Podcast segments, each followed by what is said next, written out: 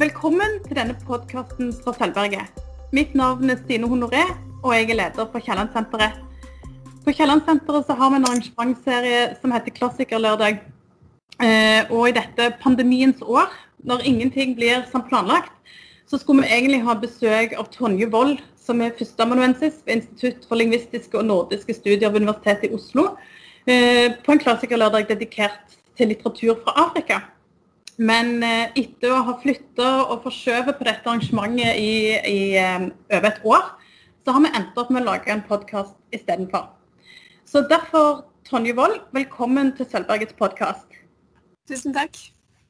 Eh, dette er smittefritt og med mer enn nok avstand, for jeg sitter på Sølvberget i Stavanger, og du er på kontoret ditt eh, i Oslo. Mm. Ja, så dette, dette er veldig innafor.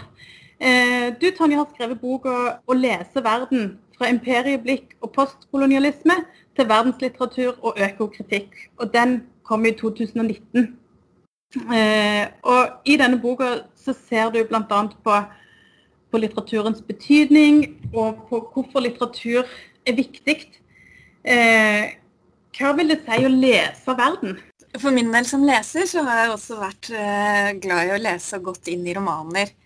Eh, og likt å lese for å forstå eh, andre mennesker, relasjoner, men også uh, samfunn og, og politikk. Og, Om man leser romaner som er gamle, så lærer du et eller annet om 1800-tallet, at noe er annerledes enn i dag. Og, og, og, det å lese litteratur som da heller ikke er skrevet i Norge, men eller Europa, har jo også um, ja, vært litt sånn, Det er litt sånn høna eller egga.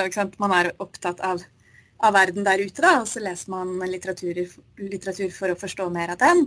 Men også les, opptatt av litteratur, og gjennom det ønske, kommer et ønske om å forstå mer av verden.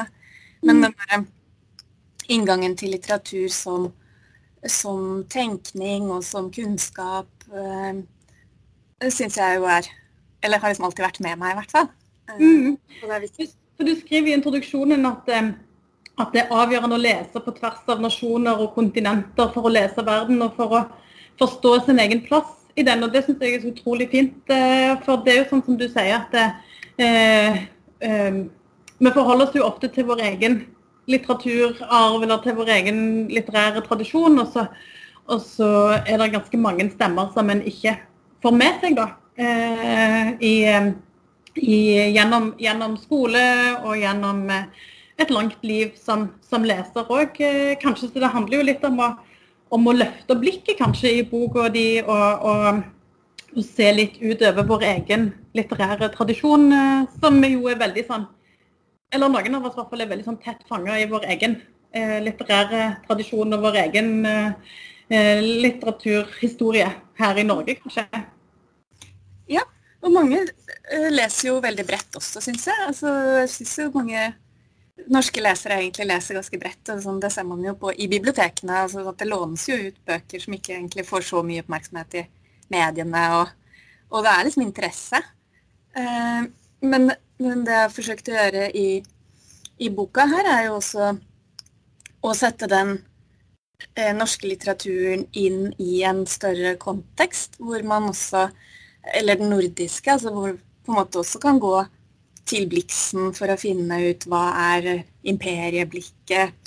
Uh, altså det som er et sånt blikk som kanskje kommer med uh, engelsk litteratur. Kanskje man forbinder det mer med liksom sånn Altså de, de store imperielandene, da, altså sånn England og Frankrike og altså den litteraturen, hvor man har et sånn blikk uh, på den utenomeuropeiske verden og naturen som noe man kan innta, eie, eh, kategorisere. Eh, og, eh, og, det blikket kan man også finne hos f.eks. Karen Blixen. Sånn at veien er ganske kort da, også til å finne igjen de, de perspektivene i vår egen eller vår nordisk litteratur. Eller sånn som nå når det er en sånn diskusjon om Hamsun og Markens Grøde, så er det um, lett å se at også noe av det som den diskusjonen dreier seg om, er en form for imperieblikk som Hamsun um, eh, framstiller, da, eller benytter seg av ettersom man ser det, eh, i, i denne eh, måten å beskrive et landskap som om ingen eier det, samtidig som man også sier at det fins uh, urbefolkning der. Mm. Det, er liksom, det, er jo helt paradoksalt, men det er en måte som man kunne se på verden tidligere, og som jo for så vidt har arvet uh, til i dag. Uh, men som man kan finne igjen i litteraturen som er litt sånn typisk egentlig da, for en sånn type kolonialistisk litteratur eller et kolonialistisk perspektiv i skjønnlitteraturen. Ja, for um, jeg er jo leder for, um, for Kielland senter i Stavanger, så jeg er jo litt sånn Jeg ser jo Kielland overalt uh, når jeg leser og når jeg uh, jobber med litteratur.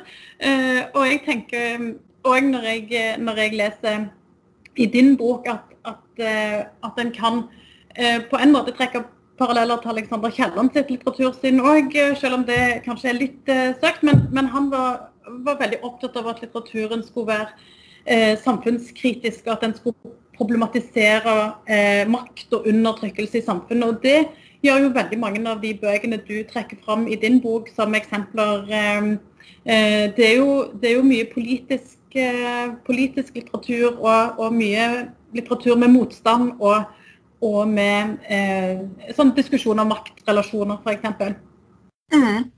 Og det, det, er jo det som da også ligger i dette eh, i denne tittelen, fra imperieblikk og postkolonialisme. Altså da liksom Den postkolonialisme-delen av det er jo nettopp en type sånn maktkritisk perspektivskifte som kommer altså Som delvis er der hele tiden, bare at de fortellingene kommer ikke ut til Europa nødvendigvis. Eh, men som også blir jo sterkere i romanform, i hvert fall, med avkoloniseringen.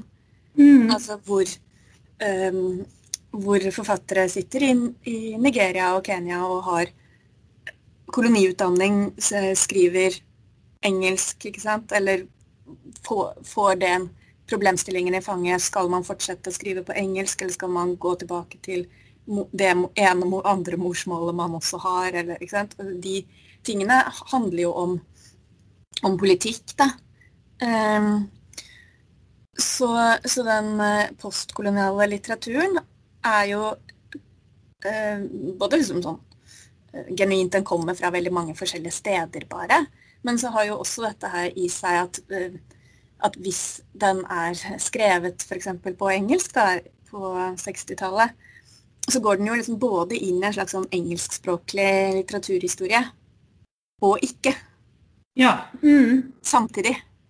Uh, og disse litterære strategiene for en sånn form for selvhevdelse og eh, markering av nye, nye, unge nasjoner, eller eh, dette er våre fortellinger, eh, er jo også noe man på en måte kan liksom knytte opp til liksom det norske. Altså, sånn.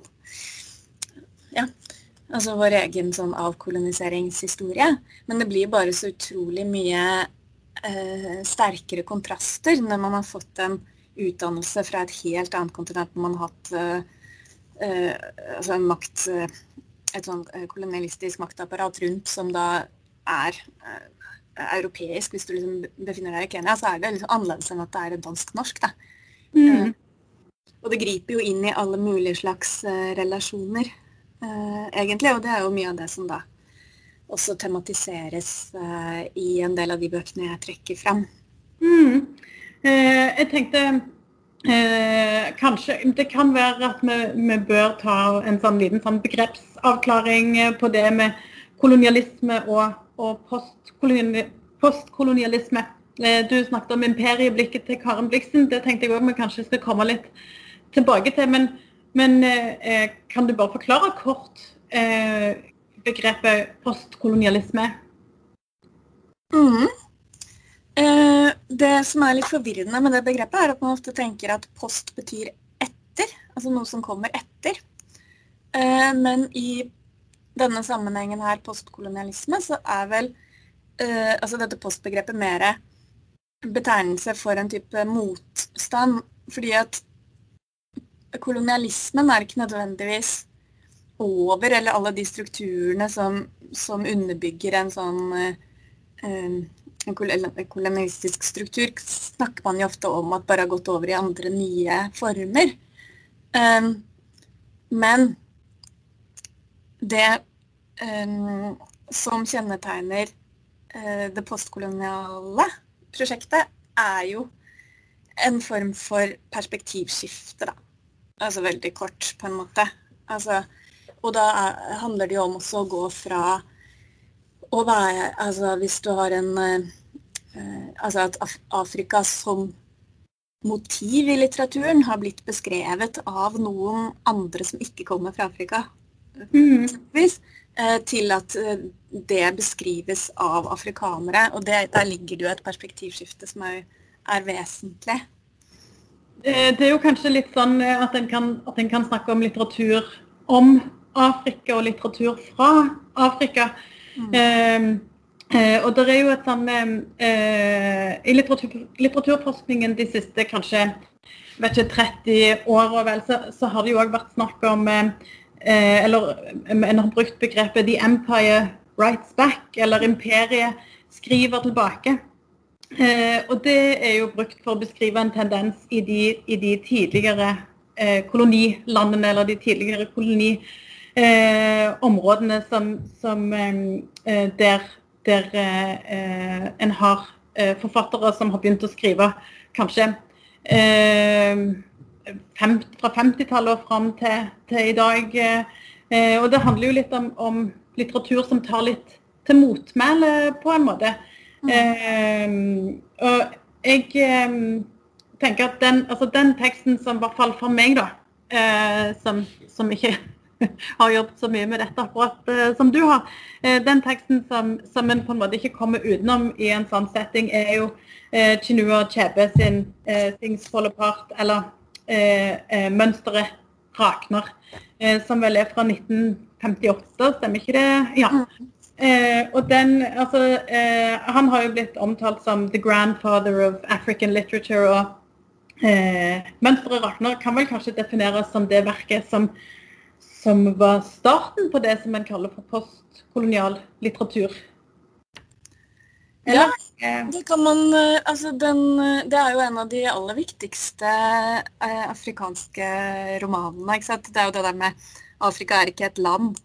Eh, sånn at eh, det er liksom voldsomt å si at én roman er liksom den viktigste i hele den afrikanske litteraturhistorien, men samtidig så er det veldig vanskelig å komme utenom 'Things Fall Apart' som akkurat den, den romanen. da.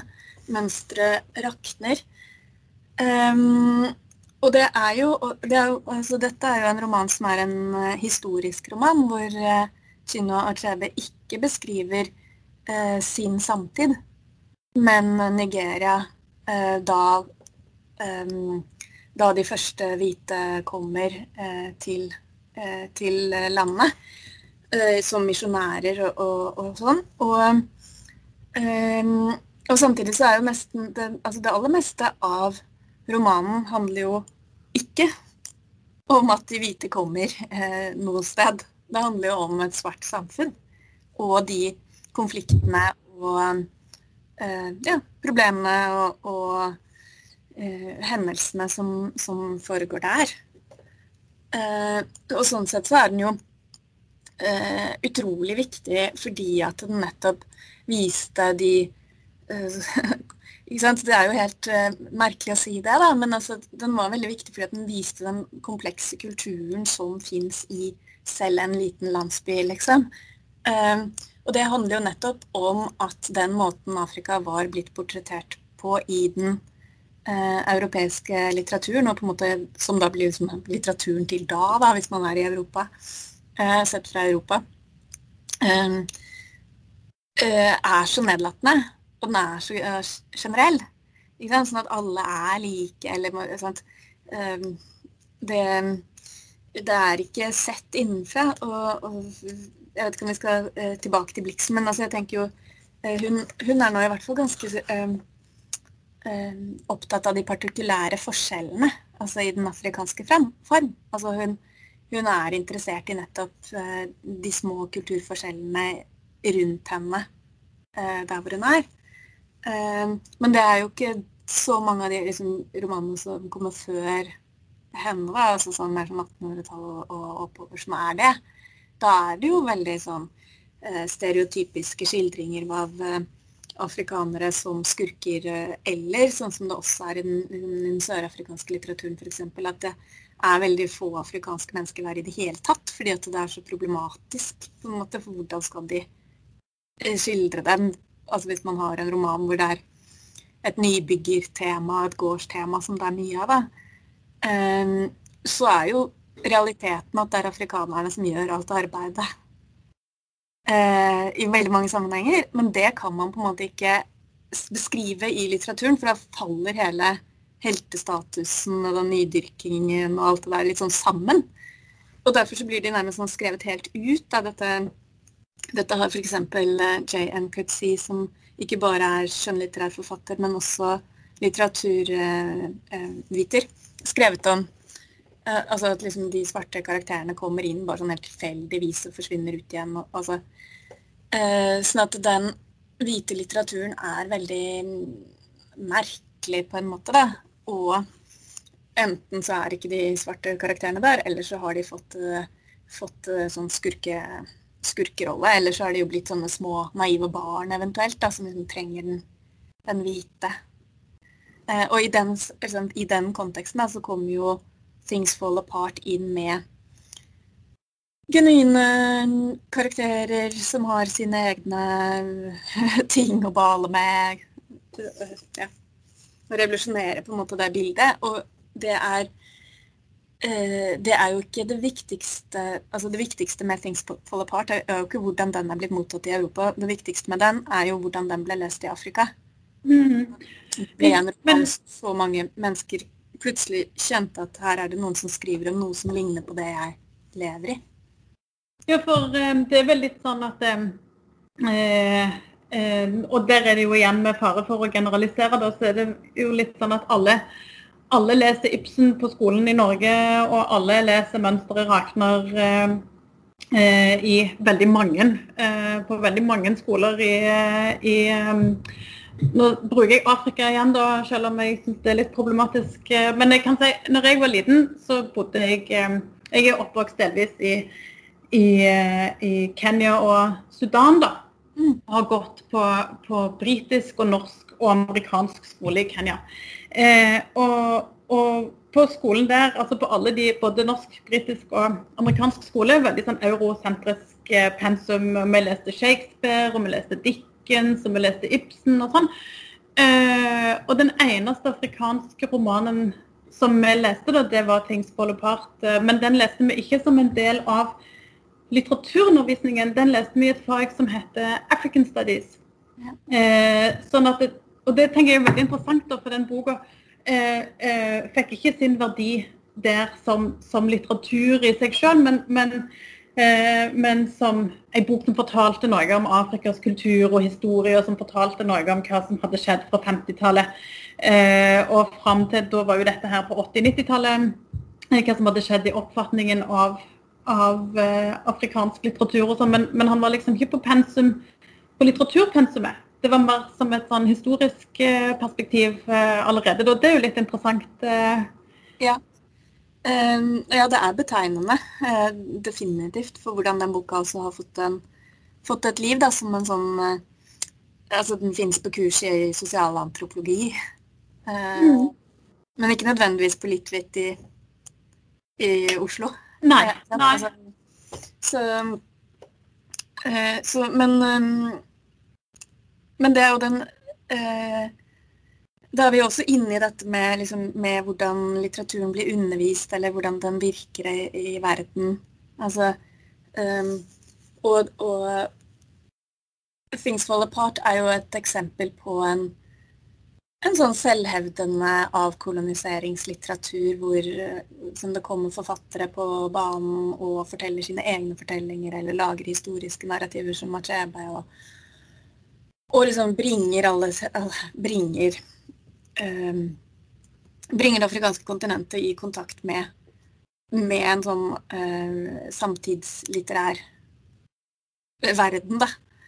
Um, og i den altså hvis, du er, hvis, du er, eh, forfatter, så er jo materialet ditt språk, og, og materialet ditt er uh, litteraturhistorie også, ikke sant. Andre romaner man har lest osv. Så videre. sånn den derre eh, motmæletendensen, som du sier med um, The Empire Writes Back, har jo også vært en strategi hvor, hvor forfattere um, har brukt europeiske forelegg, sånne klassikere, som da alle har lest, fordi at man har hatt det samme pensum når man har vært i, i England eller i, i Kenya. da.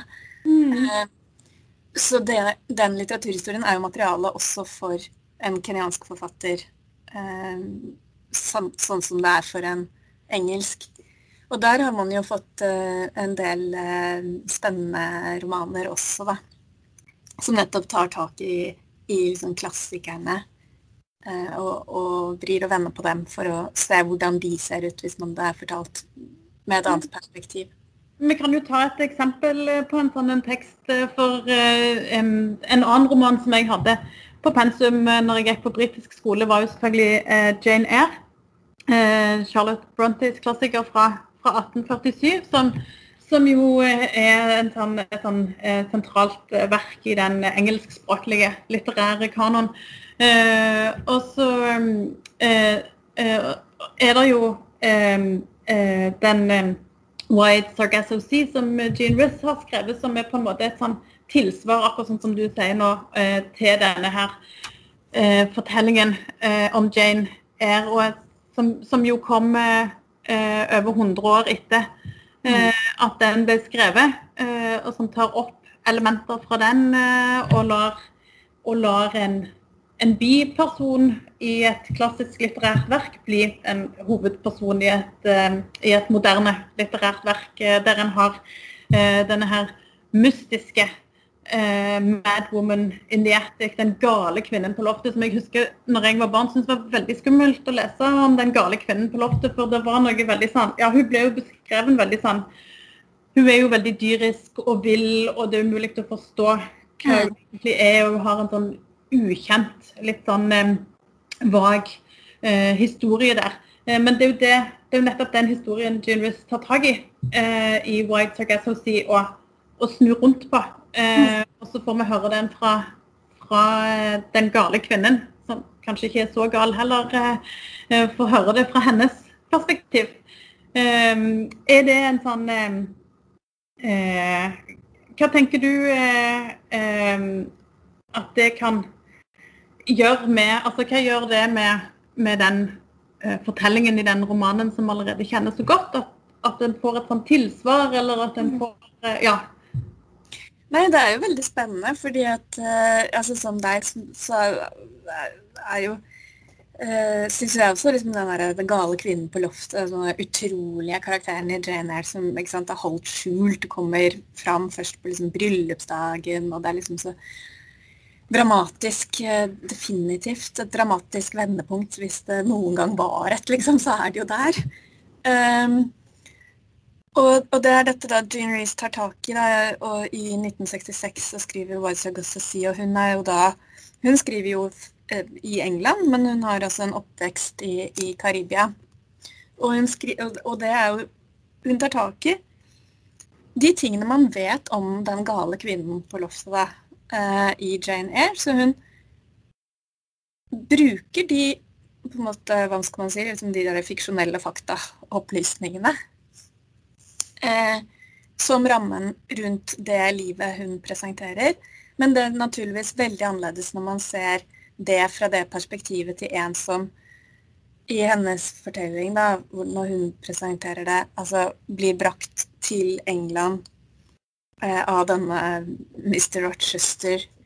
Eh, eh, og eh, ja galskap eller ikke galskap. Det er jo i hvert fall hennes fortelling, så er det jo um, et ekteskap som jo um, oppstår på veldig hva skal si, håpløse premisser. Det er det faktisk i Jane Eyre. Det er liksom samme historien. Uh, um, men det man får mer tak i ved at uh, Jean Reece uh, skriver sin roman, er jo det hele altså hvordan Karibia er, hva som fungerer i den, i den uh, dominikanske uh, republikk der det foregår. Da. Altså, um, et møte mellom en som er uh, kreolsk, så hun er jo da en europeisk ættet kvinne, men som vokser opp i ruinene av en slaveøkonomi. har blir forhatt av hele lokalbefolkningen. Um, og sendt i kloster da moren også uh, blir gal, eller hva man skal si. Så hun har jo ingen autonomi over sitt eget liv. Altså, det, er jo, det, er jo, det som er veldig sterkt og, og, fælt i, i Wide Surrogacy. Denne kvinnen som, som, ikke kan bestemme noe over seg selv, og som på en måte er blitt en sånn handelsvare, nærmest. Eller altså Ja. Og så er det jo også dette eh, Jean Reece, eh, som da skriver i, i 66, har jo en sånn modernistisk skrivemåte som jo er veldig annerledes enn hva Charlotte Brontë skrev i sin realistisk roman. sånn at den, Wild si, er jo veldig sånn desorienterende, fragmentarisk, og, og man får både Rochesters perspektiv og denne Bertha eller Antoinettes eh, perspektiv.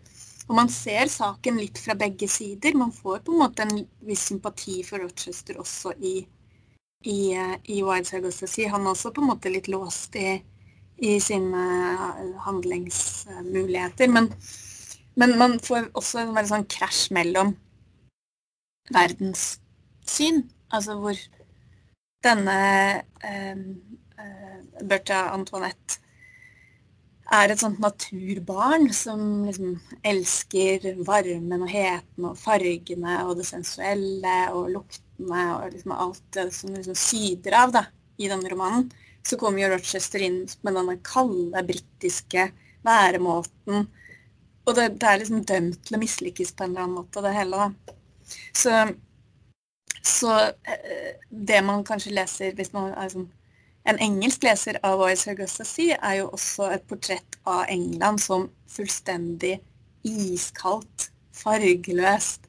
Eh, ikke sant? Det er liksom tåkete. Altså, du, du, får virkelig den følelsen av, av, at dette er jo et eh, Det er jo dette som er et sånt eh, ødeland hvor ingenting vokser og gror. Da. Um, så, så det du spurte om, var jo også hvordan leser man da Jane Eyre etterpå? Um, og det er vel kanskje nettopp da med blikket for hva den veldig sterke fortellerstemmen til Jane, som jo er en sånn slags bragd fra Charlotte Brontes side å liksom skrive med sånn jeg-forteller, som er en ung jente. Men, men hen, man får liksom det perspektivet på romanen at den stemmen fortrenger en god del andre, da. At det er mm. en sånn monologisk fremstilling på et vis. Eh, og da, med Jean Reece, så får du en slags dialog da, til denne monologen. ikke sant? At det kommer inn en motstemme. Eh, og det er jo veldig spennende. da, liksom Det er romaner som lager samtaler. Det er kjempespennende hvordan de to tekstene på en måte snakker sammen. Eh, jeg tenker at det, det er jo et veldig sånn eh, et veldig vellykka eksempel på, på, intertekstualitet og tekster som, som utfyller hverandre, selv om de er så langt fra hverandre i i tid, da. For det er jo eh, det er jo eh, ja, som jeg sa, det er over 100 år som skiller de to eh, tekstene. Jeg, det er en tekst til som jeg har litt lyst til å snakke med deg om. og det, for Vi nevnte Karen Bliksen. Du nevnte Karen Bliksen som, som et eksempel på det imperieblikket. og jeg tenker at Eller jeg må innrømme, for jeg er veldig, veldig glad i Karen og veldig glad i min afrikanske farm. Eh, og for meg så er det fortellingen om, om kjærlighet, om utferdstrang, og om en sterk og selvstendig og veldig modig kvinne. Eh, men i de bok så, så, peker jo du på eh, noen av de veldig problematiske sidene ved denne romanen, eh, som jo er danske Karen Bliksens beretning om, om, livet som farmer eller som settler i, i Kenya eh, tidlig på 1900-tallet. Og jeg vet jo, jeg vet jo at Karen Blixen har fått eh, altså At når en har på en måte gått gjennom og, eh, og sett på hennes tekst eh, med, med det blikket som, som, du har i din bok, så vet jeg jo at hun kommer kanskje litt uheldig ut av det av og til. Men, men det er lov å like Karen Bliksen, er det ikke det? Jo, jeg mener jo det. Jeg er jo ikke, jeg er jo ikke så veldig opptatt av å, å på en måte fordømme det som har vært sånn eh, jeg er mindre opptatt av det enn å på en måte se på det som har vært, og hvordan, hva det er. og liksom At man kan ha et åpent blikk og et åpent sinn da, eh, når man møter litteraturen. fordi at man kan Altså begge deler blir litt feil. altså liksom Både, eh, både feil og å si at nei, Karen Blixen er eh, ingenting galt med fordi at hun var en kvinne, eller ikke sant? Altså et eller annet eh, dansk, så da gjelder ikke disse tingene som ellers finner masse av engelsk og fransk litteratur. Uh, men det kan også bli ganske feil å bli den der veldig strenge uh, postkoloniale kritikeren som leser ensidig ut tankemønstre og fordømmer dem. Og, noe av det som jeg har drevet med i denne boka her, er jo også egentlig å lese ting som handler om um, altså sånn uh, type kolonialismeperspektiv og den type maktperspektiv også opp mot kjønnsperspektiver, um, f.eks.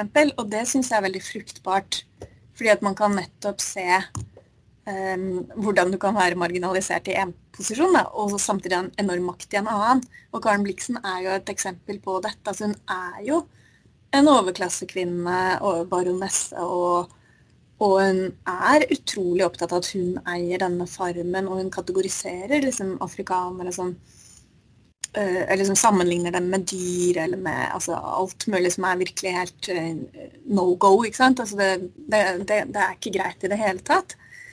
Uh, og samtidig så syns jeg også man må på en måte anerkjenne at hun har, som jeg sa innledningsvis også, at hun, hun er veldig interessert i å, å, prøve å forstå det.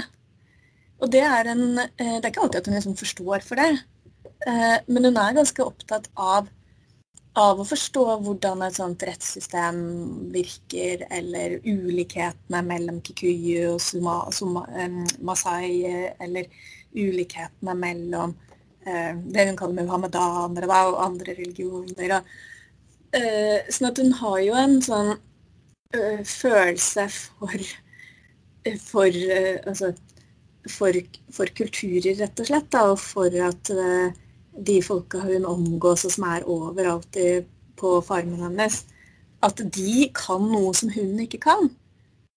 og det er jo et perspektiv som mangler i mye annen sånn type litteratur, da, hvor de på en måte Altså alle som på en måte er de andre. Eh, de bare babler, og de har ikke kultur. Liksom, de er eh, under mennesker, nærmest. Mens, mens Karen Blixen har det, både dette imperieblikket hvor hun liksom kan se utover eh, landskapet, og hun eier det, og hun kan kategorisere det, og hun sier hun føler seg som Gud, og hun er liksom over, over det hele. da. Eh, og samtidig så kan hun også se at det er grenser for hva hun forstår, og at hun sier også at eh, de, de, de, som jobber der, altså noen av de kvinnene som jobber der, eh, de vet mer om henne enn hun vet om dem. Og det er også et sånt perspektiv som mangler mange andre steder i, i denne, hvis man snakker om sånn kolonialistisk litteratur. da. Um, hvor, hvor, hvor, afrikanere eller hvem det er, liksom bare skal lære et annet språk. Uh, og så hvis de ikke kan det så godt, da er de på en måte dumme. Mens i Karen Bliksens perspektiv så vil jo det være at da er de faktisk tospråklige. altså Da kan de både hennes, forstå noe av hennes verden og sin egen, men hun kan jo bare sin. Sånn at, ja. Jeg syns hun er, veldig fascinerende, den afrikanske farmen, da.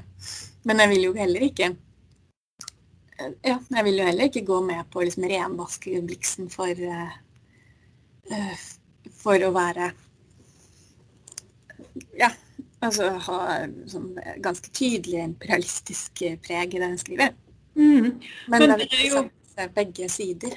Ja, nei, for det er jo En kan jo alltid En kan jo alltid eh, tenke at, at ting endrer seg i, i historisk perspektiv eller etterpåklokskapens lys òg, selvfølgelig. Du var jo inne på denne her Hamsun-debatten som pågår nå, Markens grøde og sånn. Og det er jo klart at et litterært verk er jo ikke det er jo ikke en sånn statisk, statisk, enhet heller. Det endrer seg jo litt med måten vi leser det, eller vår lesing endrer seg jo. Mm. Ja, og, og, når vi snakker om det med hva kan man lære av annen litteratur enn norsk, så vil jo det også være f.eks. Da uh, um, å, og, forstå mer at vi faktisk har to nasjoner i, denne, i dette landet, at det, samiske eh, perspektivet mangler i veldig mange sammenhenger. Og, og, at det nettopp er likheter mellom en del ting som vi kanskje ikke har sett så mye på i liksom, den norske litteraturvitenskapen. Ehm, eh, på, som handler om nettopp liksom, ja, både representasjon av samer, men altså ikke minst den samiske kulturen. Altså er det noe interesse for den i det hele tatt? Eller hva er Det er et eller annet som mangler litt i den norske litteraturvitenskapen. Mm. Så man nettopp kan lære noe av å se på hva som foregår i postkolonial ja. mm. Da. Absolutt. Jeg tenker at eh, det som er med boka di, er jo at eh, han eh, tar opp så eh, veldig, veldig mange temaer og interessante og viktige perspektiver eh, på veldig mange litterære verk. så vi kunne jo ha snakket om den kjempelenge, men, men jeg tror det er på tide å runde av denne samtalen nå. og så er det jo sånn at du, Tonjevold, du kommer jo tilbake til Sølvberget i oktober. Ja, jeg håper jo at jeg kommer meg til Stavanger. Ja. at vi endelig skal få til en ordentlig eh, klassikerlørdag. Og for 30. oktober eh, så har vi en, en klassikerlørdag eh, på Kielland-senteret som er eh, dedikert til Ngugi wa Tiongo. Eh, den kenyanske forfatteren. Nå har vi jo vært litt innom Kenya her òg. Eh, og han er jo aktuell nå eh, veldig aktuell nå her i Norge. med Det er nettopp utgitt en ny eh, oversettelse av hans debutroman eh, 'Weep Not Child' fra 1964. og Den eh, kommer på norsk nå. Eh, 'Ikke gråt, barnet mitt'. Eh, og du har jobbet en del med dette forfatterskapet og skal, skal fortelle mer om det hos oss i oktober, ikke sant? Jo, Eh, Gugi Wationgo ble en slags sånn gjennomgangsfigur i denne boka. Um, fordi både fordi han har Han kommer jo fra et sted som er rett ved, der hvor Blixen i hvert fall sånn relativt rett ved, der hvor Blixen også hadde farmen sin. Og har jo kritisert henne og den afrikanske farm. Så han kan både liksom ja, si noe om nettopp hvordan, hvordan en kenyansk forfatter opplever eh, å lese Den afrikanske farm. Eh, og så har han jo gitt ut bøker da, altså, siden 1964. 1964, tror jeg. Ja, 1964. Ble plutselig sånn 62, 64. 64. Og kom med siste bok i, i fjor. Så han har gitt, gitt ut bøker i, i, så utrolig mange år, og, nærm, og nærmest da fulgt Eh, denne avkoloniseringsprosessen i Kenya og liksom nykolonisering, som vi kan da snakke mer om når jeg kommer tilbake. Eh, og også utgitt memoarer, så det er mye å, å ta tak i der. Mm, det blir kjempespennende um, å, å, få en, en hel klassikerlørdag til det forfatterskapet. Så uh, tenker jo jeg at han, altså, uh, han har jo vært aktuell og favoritt til Nobelprisen i mange år, og hvert år når de skal dele ut Nobelprisen i litteratur, så er det sånn kanskje, kanskje er det hans tur i år. Um, tror, du kanskje, tror du kanskje han uh, at han vinner i år? At han får uh... Jeg har jo håpet på dette i mange år, men nå begynner jeg vel å Jeg vet ikke. Så han burde jo ha fått den. sånn at ja. Jeg vet ikke. Det kan virke som de ikke har tenkt å gi den til han. Han er jo han er vel 83 år gammel eller et eller annet sånt, så ja. Men um, jeg har sjekket, og det kunngjøres 8. oktober, uh, og, så, og så er jo denne klassikerlørdagen 30. oktober, så da vet vi i hvert fall. Mm, det hadde vært stas, selvfølgelig. så det, men tusen, tusen takk for praten, og så ses vi igjen uh, i oktober. Eh, og til dere som hører på Sølvbergets podkast, så anbefaler jeg jo selvfølgelig å lese Ngugi Wationgos oversatte roman 'Ikke gråt, eh, barnet mitt', som en forberedelse til den klassikerlørdagen i oktober. Og òg selvfølgelig å låne Tonje Wold sin bok eh, 'Å lese verden' her på biblioteket.